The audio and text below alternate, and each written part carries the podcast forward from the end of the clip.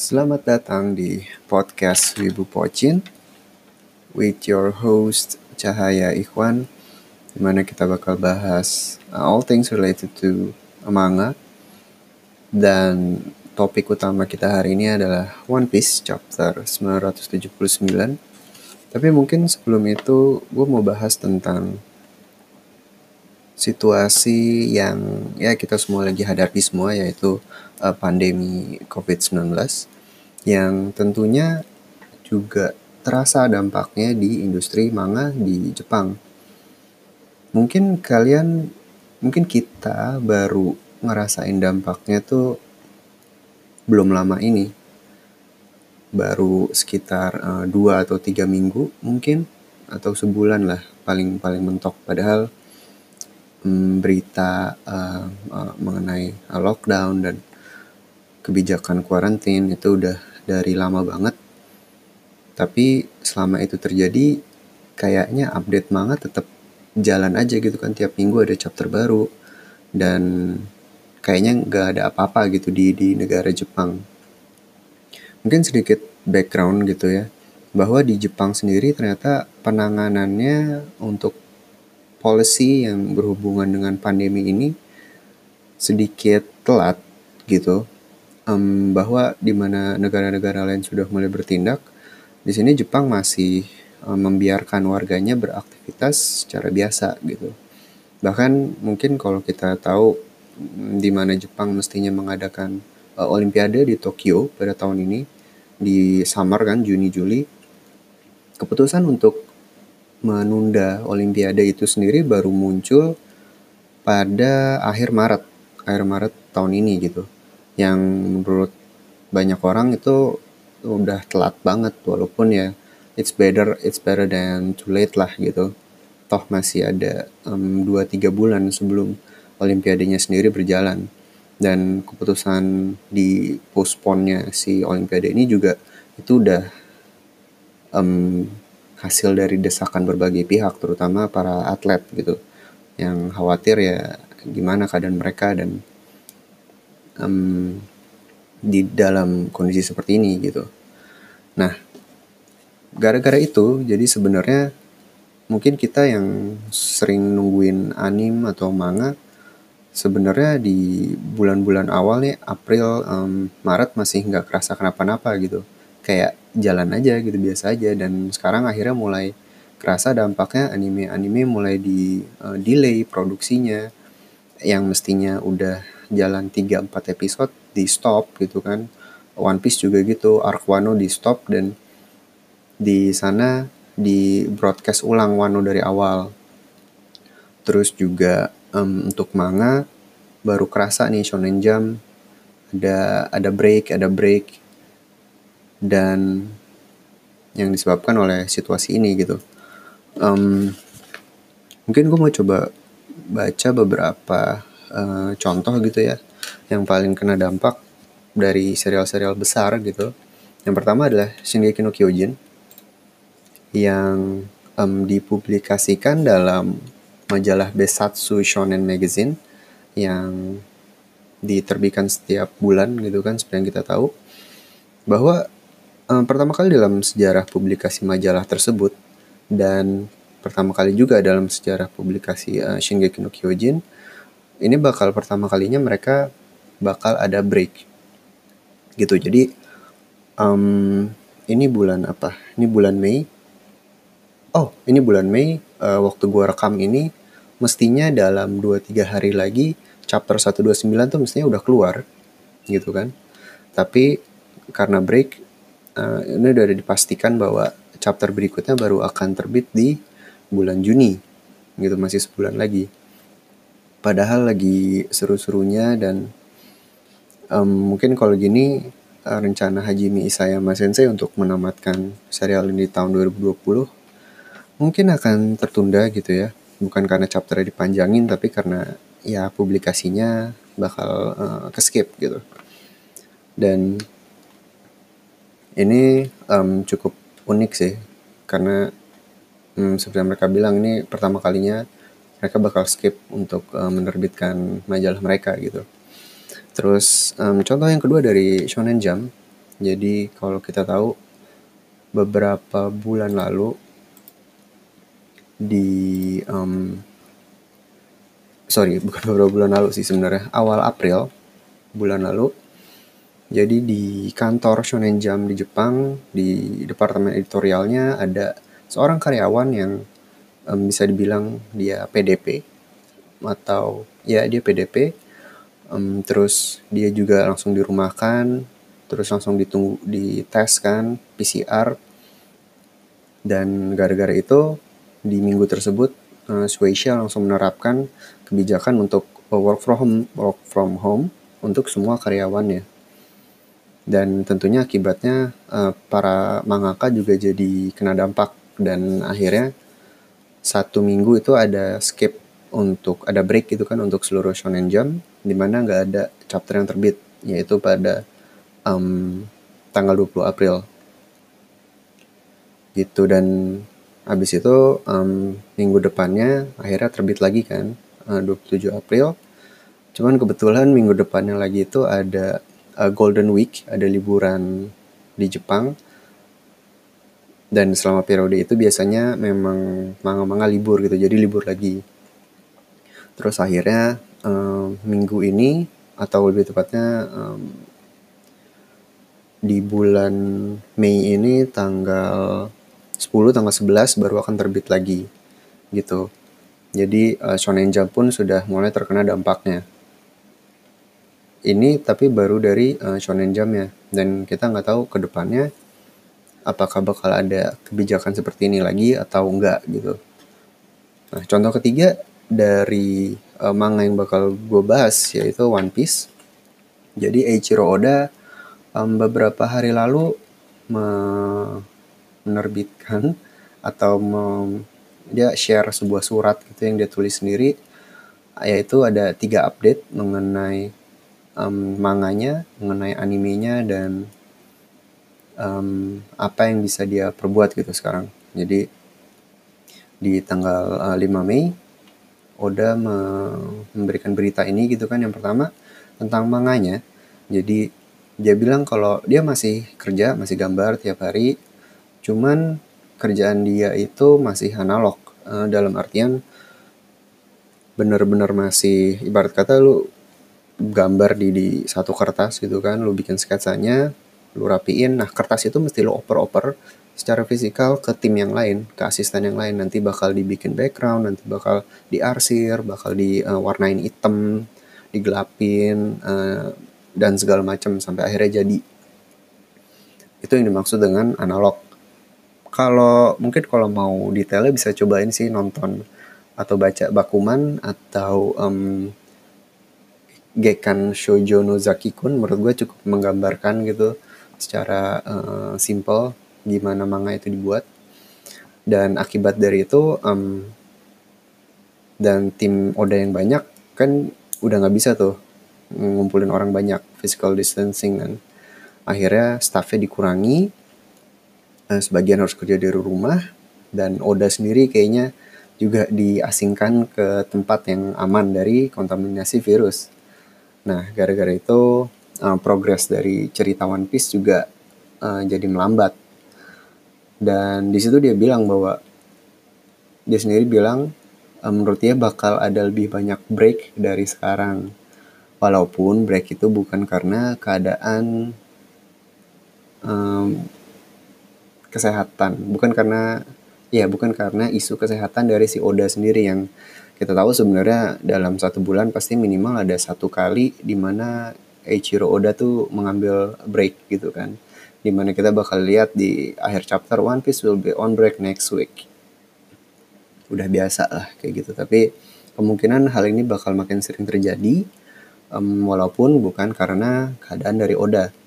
Nah dia juga bilang kalau dia lagi coba cari cara gitu kan dengan timnya gimana caranya um, produksinya tetap produktif tanpa mengganggu ya publikasi gitu. Terus untuk animenya juga lagi di interrupted kan dan dia bilang juga sedang disiapkan gimana caranya biar bisa dilanjutkan.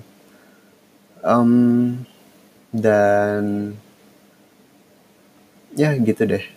Um, ngomong-ngomong yang analog ah nggak nggak deh. Itu itu beda topik. Um, anyway untuk menghadapi situasi ini kayak Shonen Jump tuh mereka ada campaign kecil-kecilan.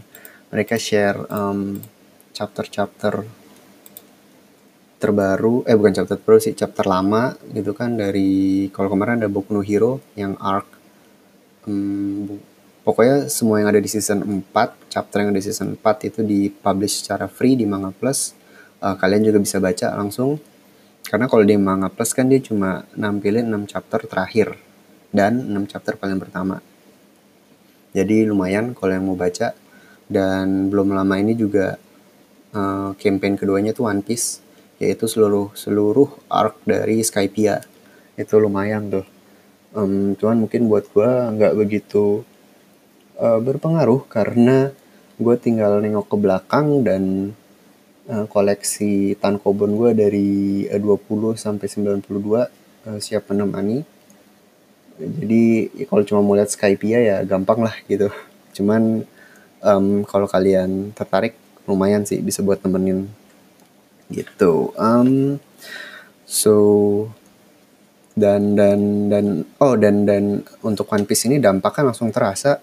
Jadi di chapter 979 ini uh, oke okay, jadi waktu 977 itu kan One Piece uh, terbit terus dari 977 ke 978 itu ada break karena keadaan di Shonen Jump tadi yang gue jelasin dari 978 ke 979 itu ada libur Golden Week, right? Terus, nah minggu depan dari 979 ke 980 itu bakal ada break dari Odanya sendiri dengan penjelasan yang tadi udah dijabarkan gitu. Jadi break lagi, uh, kita bakal nunggu dua minggu untuk One Piece. Terus setelah 980 entahlah mungkin ada break karena odanya butuh istirahat maybe. Atau mungkin ada break karena mereka belum dapat cara kerja yang uh, optimal. Atau mungkin um, shonen jamnya kena uh, masalah lagi ada pasien baru yang jelas um, kayaknya kita harus menyiapkan untuk uh, the new normal untuk manga di mana serial yang um, mingguan jadi dua mingguan, serial yang bulanan bahkan jadi dua bulanan gitu. But ya, yeah, semoga ini semua segera berlalu gitu kan. Dan kita bisa ya menjalani hidup normal lagi terutama untuk menikmati manga dan anime. So, yeah, we hope for the best. We hope for the best. Ngomong apa gue um and ya yeah, Abis ini kita bakal langsung masuk ke topik utama yaitu One Piece.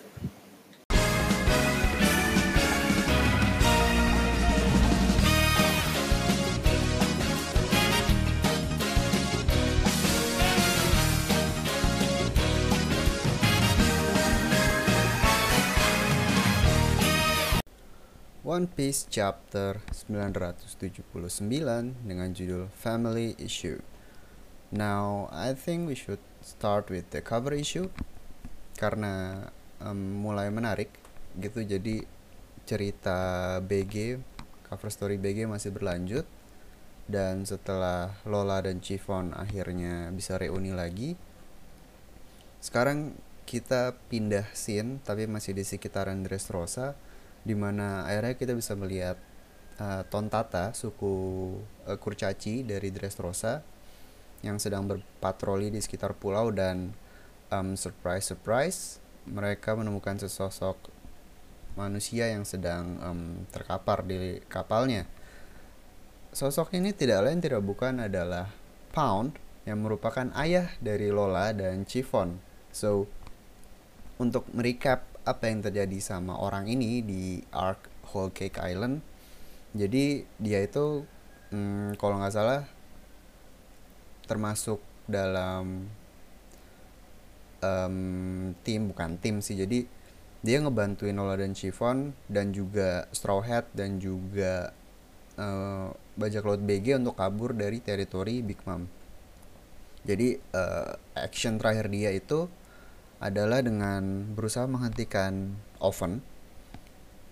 Uh, tentunya dia gagal gitu kan tapi dengan action dia dia memberikan waktu yang cukup agar BG dan Straw Hat bisa kabur gitu.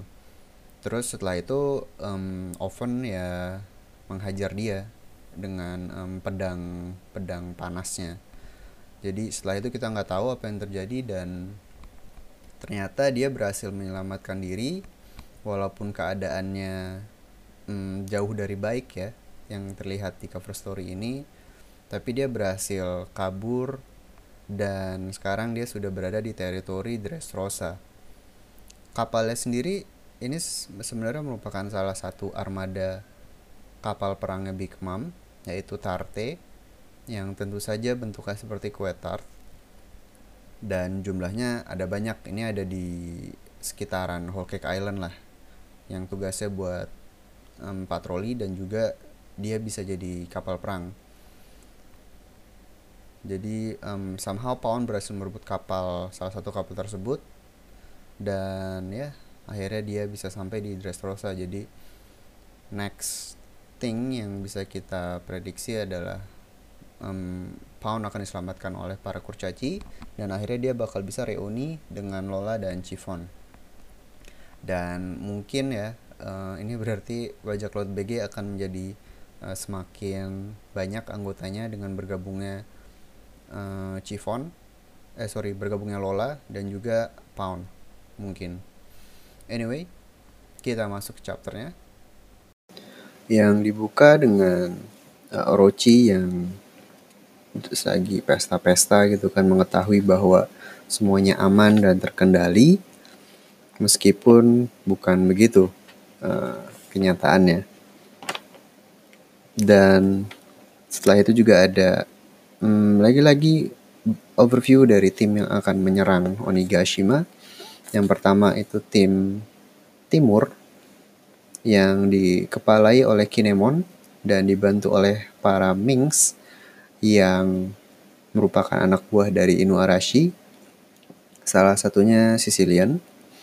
Terus dari tim kedua, tim barat, ada Denjiro yang ditemani oleh Hyogoro dan para Yakuza lain dari Wano. Tim ketiga yang lewat bawah laut dengan kapal selam Lau yaitu tentunya bajak laut Hearts dan uh, Red Scabbards yang lain selain Kinemon dan Denjiro. Kemudian yang paling penting tentunya adalah dua idiot yaitu bajak laut Kid dan bajak laut Topi Jerami. Setelah overview ini uh, kita bisa melihat uh, sedikit update dari Kanjuro yang akhirnya udah nyampe di Onigashima tapi dia kerepotan karena it turns out that yang tahu mengenai status Kanjuro sebagai mata-mata ia cuma Orochi seorang gitu.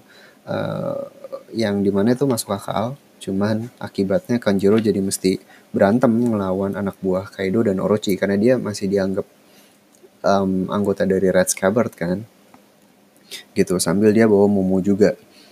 Walaupun bagi gue sedikit aneh karena ya kenapa nggak bikin surat lagi aja gitu kan terus bikin gambar burung terus tinggal kirim ke Orochi.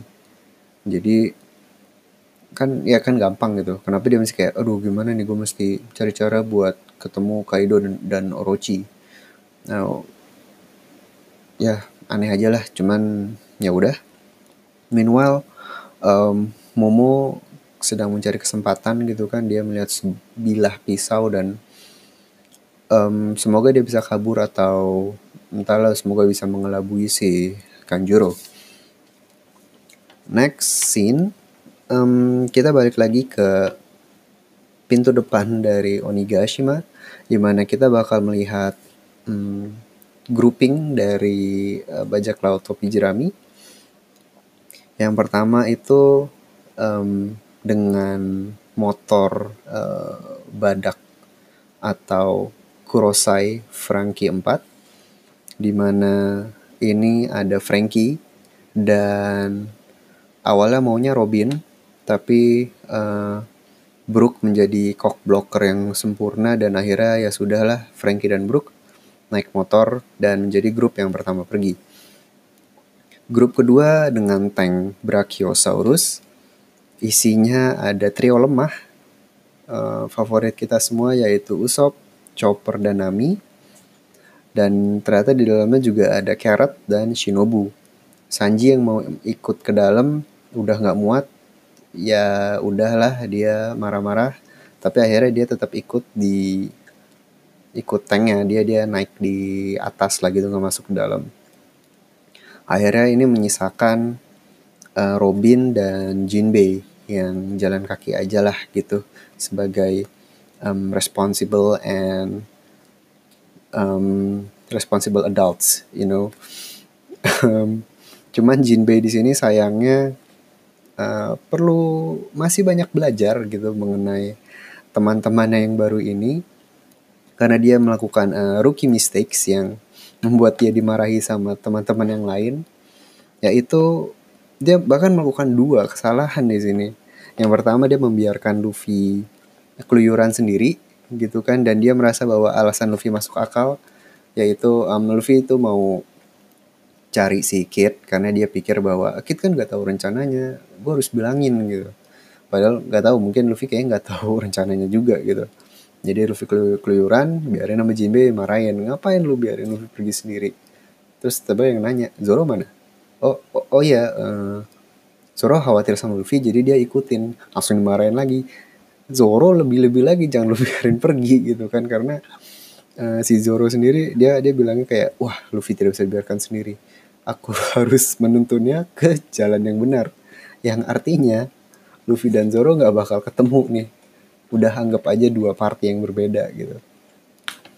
And that's why uh, kita punya lima grup dari um, dari topi jerami gitu.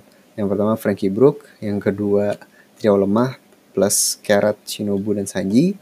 Grup ketiga ada Robin dan Jinbei individu keempat ada Luffy dan individu kelima ada Zoro.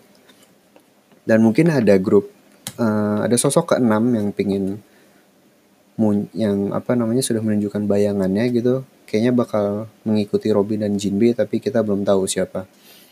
Um, mungkin Hyori atau entahlah gue gua nggak tahu siapa tapi entah kenapa gue pengen Hyori aja gitu oke okay. I think um, kita bisa uh, break dulu untuk sebelum sebelum kita masuk ke poin utama dari chapter ini yang juga menjadi judul dari uh, chapter 979 yaitu family issues.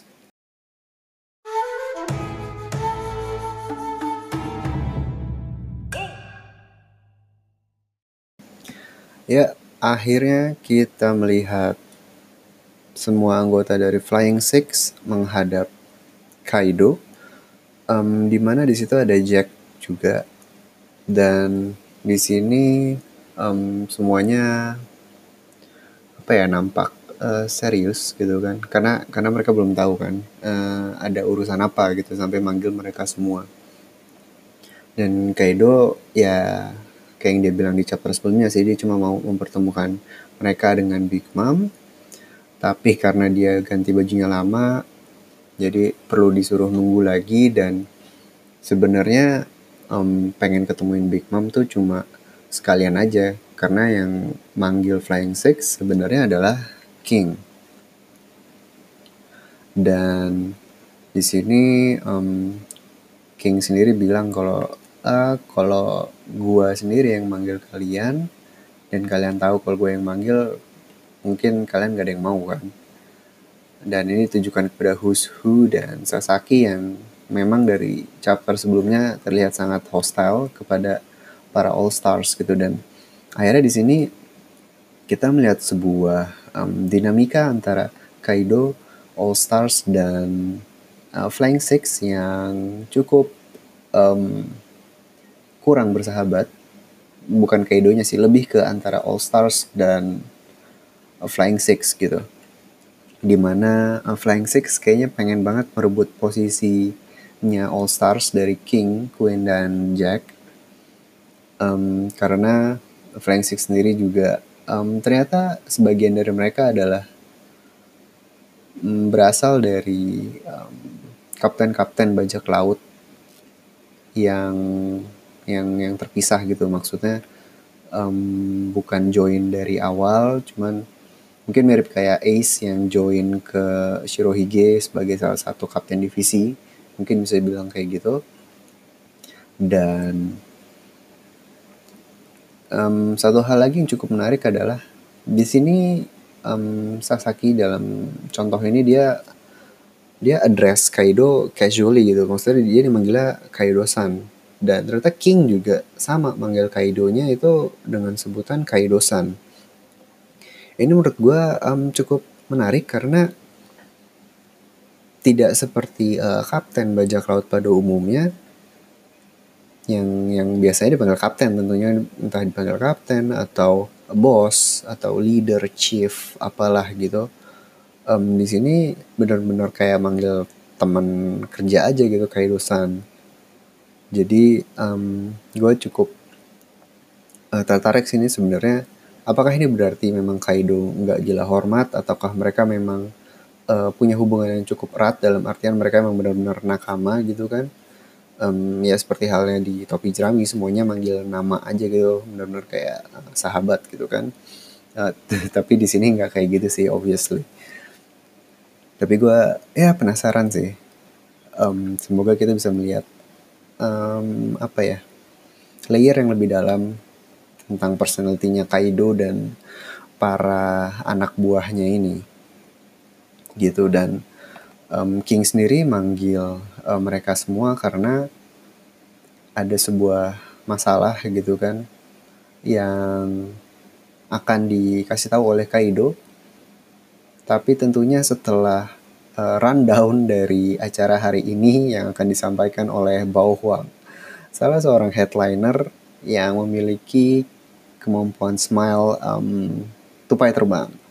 Jadi rundown dari festival api hari ini yang pertama adalah yang sudah kita lihat Queen yang mengadakan konser. Terus acara kedua adalah um, kenapa gue ketawa ya? Um, uh, acara bersulang gitu antara All Stars dan Fukuro Kuju. Dan uh, kalau acara sini acara ini sendiri gue uh, nangkapnya adalah karena si Fukurokuju bisa dibilang direct uh, subordinate dari Orochi. Mungkin maksudnya gitu perwakilan dari Orochi Fukurokuju perwakilan dari Kaido All Stars. Cuman gue juga penasaran apakah ini berarti Fukurokuju ini ya sekuat All Stars kah? Atau gimana? Uh, jadi penasaran sih. Terus agenda yang ketiga adalah pidato dari Kaido dan Orochi. Agenda keempat um, menanti kehadiran dari kapal bajak laut Big Mom yang uh, agak membingungkan karena di chapter sebelumnya uh, Queen udah memberikan shout out kepada anak-anak Big Mom yang mestinya sudah hadir di di kastil gitu ya walaupun di chapter ini pun belum kelihatan satupun. Um, tapi mungkin kapalnya aja kali yang belum datang ya. Kayak I don't know ceremonial thingy. Terus juga uh, setelah kapalnya datang akhirnya Kaido dan Lin akan mengumumkan aliansi bajak laut terbesar di dunia. Dan it turns out that itu bukan uh, main topik dari uh, festival hari ini karena Kaido sendiri akan memberikan sebuah pengumuman yang sangat sangat penting. Dan bahkan um, dia dia nggak mau bilang itu ke Flying Six atau All Stars yang sedang ada di situ. Karena katanya kalau dia bilang nanti malah bikin bingung. So I guess that's our first clue. Um, dan clue kedua adalah bahwa tugas yang diberikan kepada Flying Six adalah untuk menemukan dan membawa pulang anak dari Kaido yang akhirnya kita tahu namanya yaitu Yamato untuk dibawa ya dibawa pulang gitu. Uh, Black Maria sendiri mengatakan bahwa ini akan menjadi tugas yang cukup sulit bahkan dengan uh, mereka berenam yang artinya ada ada dua nih. Berarti either um, dia dia kuat gitu yang artinya enam orang flank six bakal kerepotan buat mencari si satu orang ini. Atau dia um, masih bocah gitu kan jadi uh, tidak bisa dengan kekerasan. Atau mungkin uh, dia memang punya kemampuan untuk menghilang literally menghilang jadi susah dicarinya hmm, ya kita belum tahu gitu. Tapi yang jelas uh, Black Maria sendiri merefer kepada Yamato dengan sebutan a young master. Jadi ah ya ada kemungkinan itu sih. Karena banyak teori yang beredar juga bahwa Yamato ini sebenarnya masih bocah dan seumuran lah sama si Momonosuke.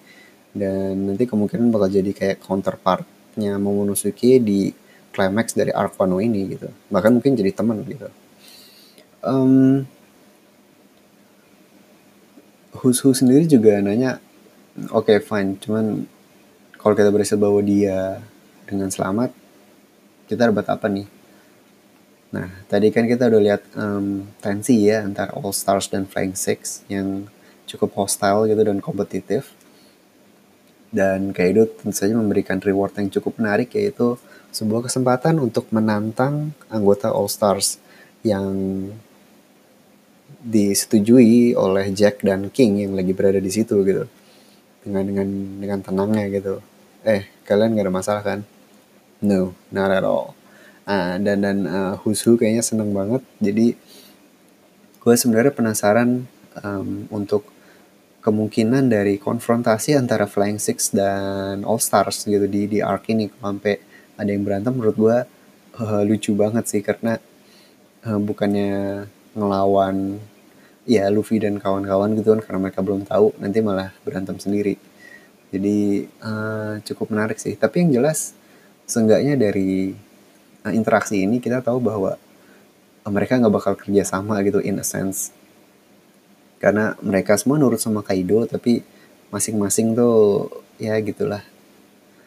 Um, oke okay, mungkin sebelum kita masuk ke um, scene berikutnya gue mau bahas dulu tentang uh, teori-teori uh, dari si Yamato ini ya.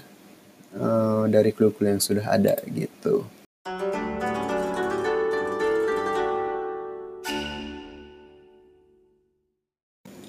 Oke, jadi Yamato, Yamato, anak dari Kaido, um, cukup merepotkan Kaido karena dibilang useless dan bahkan di pesta sebesar ini dia malah menghilang. Uh, sampai-sampai minta bantuan dari uh, Flying Six uh, yang basically cuma satu tingkat di bawah All Stars untuk menemukan dan membawa dia pulang Ditambah lagi ada pengumuman penting yang akan berhubungan dengan dirinya. Oke, mungkin kita coba dari namanya dulu. Kalau cuma dari nama sih uh, Yamato mah di mana-mana udah sering. Uh, Digimon tuh Yamato. Di Naruto juga ada si Yamato yang uh, kayu. Dan mungkin kalau nama Yamato sendiri paling terkenal itu kan di Jepang karena dia nama um, kapal perang kan battleship waktu Perang Dunia Kedua yang benar-benar powerful di masa itu. Um, jadi kalau cuma dari itu, um, ya belum belum belum ada clue yang bisa di atau kesimpulan yang bisa ditarik. Ditambah lagi ada kemungkinan bahwa dia tuh sebenarnya masih bocah gitu.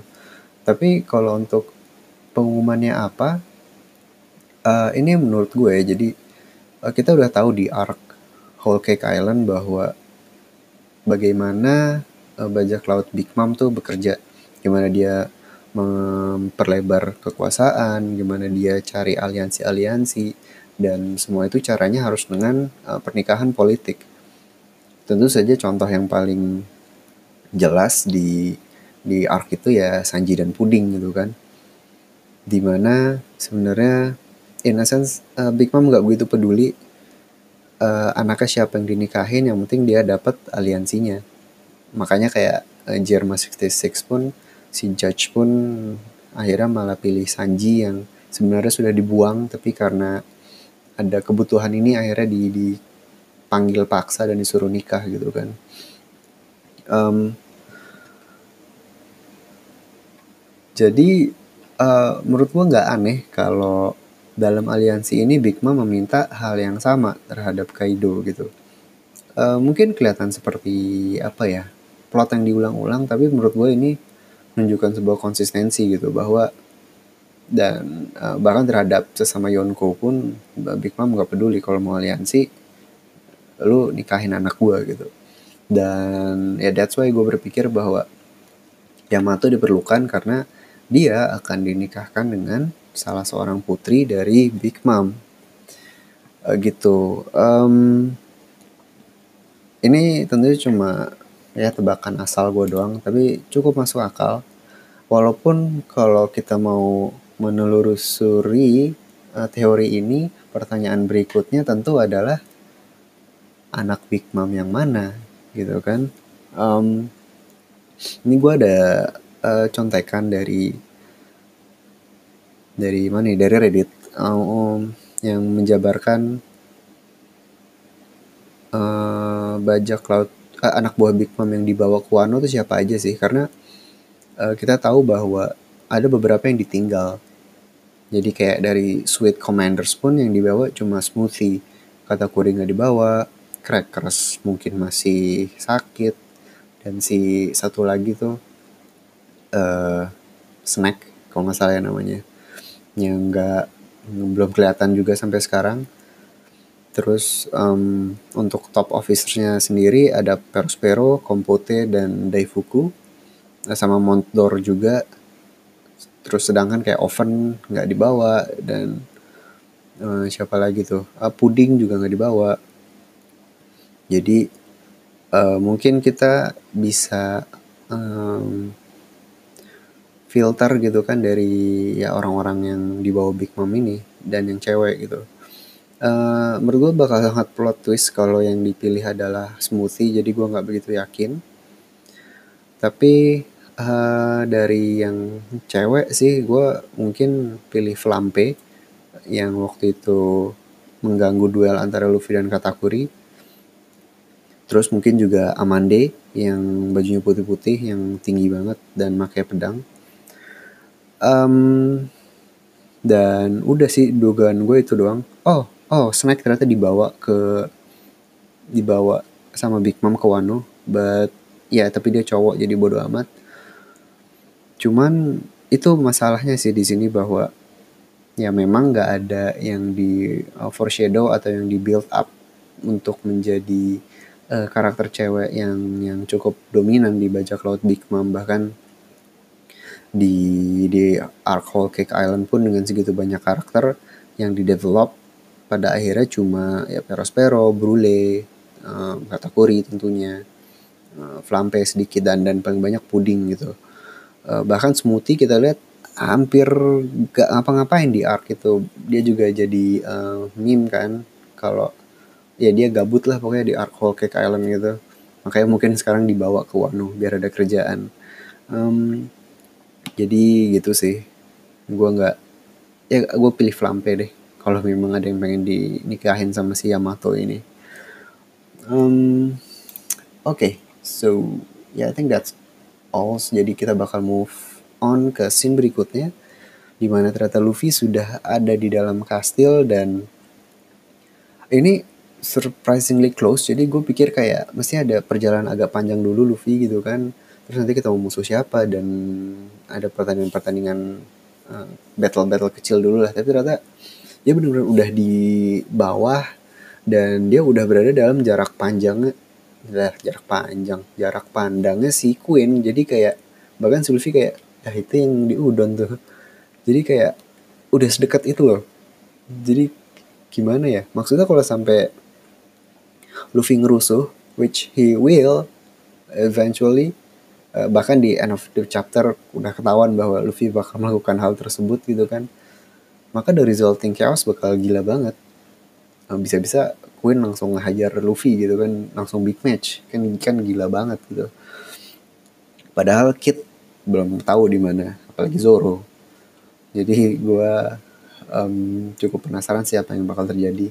Uh, minimal Luffy sendiri nyari-nyari si Kid uh, dan dia pengen ikutan makan-makan tapi ternyata dia di kemplang sama panci yang isinya Oshiruko. Terus ya dia jadi teringat sama utama yang uh, susah makan dan pertama kali makan ini dia bahagia banget. Sedangkan di sini makanan dibuang-buang karena uh, ada banyak banget. Sekali lagi menunjukkan uh, ketimpangan antara um, Orochi gitu kan dan kroni-kroninya dengan warga Wano yang lain yang benar-benar kesusahan. Dan ya yeah, I guess uh, there you go your uh, Luffy trigger moment yang selalu terjadi di tiap arc. Kayak mungkin contoh paling terkenal tentunya waktu di Sabaody arc di mana Luffy kesal sama Tenryubito yang berbuat seenaknya itu udah paling legend kan. Terus juga mungkin waktu arc um, uh, thriller bark di mana Luffy uh, kesel karena banyak ternyata banyak korban dari uh, yang bayangannya dicuri gitu kan dan mereka nggak bisa melihat matahari lagi Luffy marah lagi terus um, Pang Hazard di mana Luffy kesel karena ada anak-anak yang jadi korban percobaan dan terpisah dari orang tuanya karena diculik gitu kan di situ juga uh, Luffy trigger moment dan akhirnya kita dapet yang untuk Wano ini uh, yaitu ya ini buang-buang makanan. Jadi sudah jelas di chapter berikutnya akan terjadi kerusuhan um, atau ya minimal kita bakal lihat keadaan dari teman teman-teman yang belum muncul. Entah itu Kid, Zoro atau mungkin Lau, Denjiro, Kinemon, I don't know. Atau mungkin kita bakal melihat Yamato untuk pertama kalinya bisa jadi. Yang jelas minggu depan tidak akan ada One Piece karena lagi break. Lagi untuk alasannya udah gue jelasin di uh, pembuka tadi kan uh, regarding the COVID and everything. So ya yeah, minggu depan gak ada One Piece kita harus tunggu dua minggu untuk chapter 980 dan ya yeah, semoga uh, di dua minggu itu tidak ada hal-hal buruk yang terjadi. Jadi kita bisa lanjut arc Wano berikutnya. And yeah I, I think that's all for this chapter. Thank you for listening and goodbye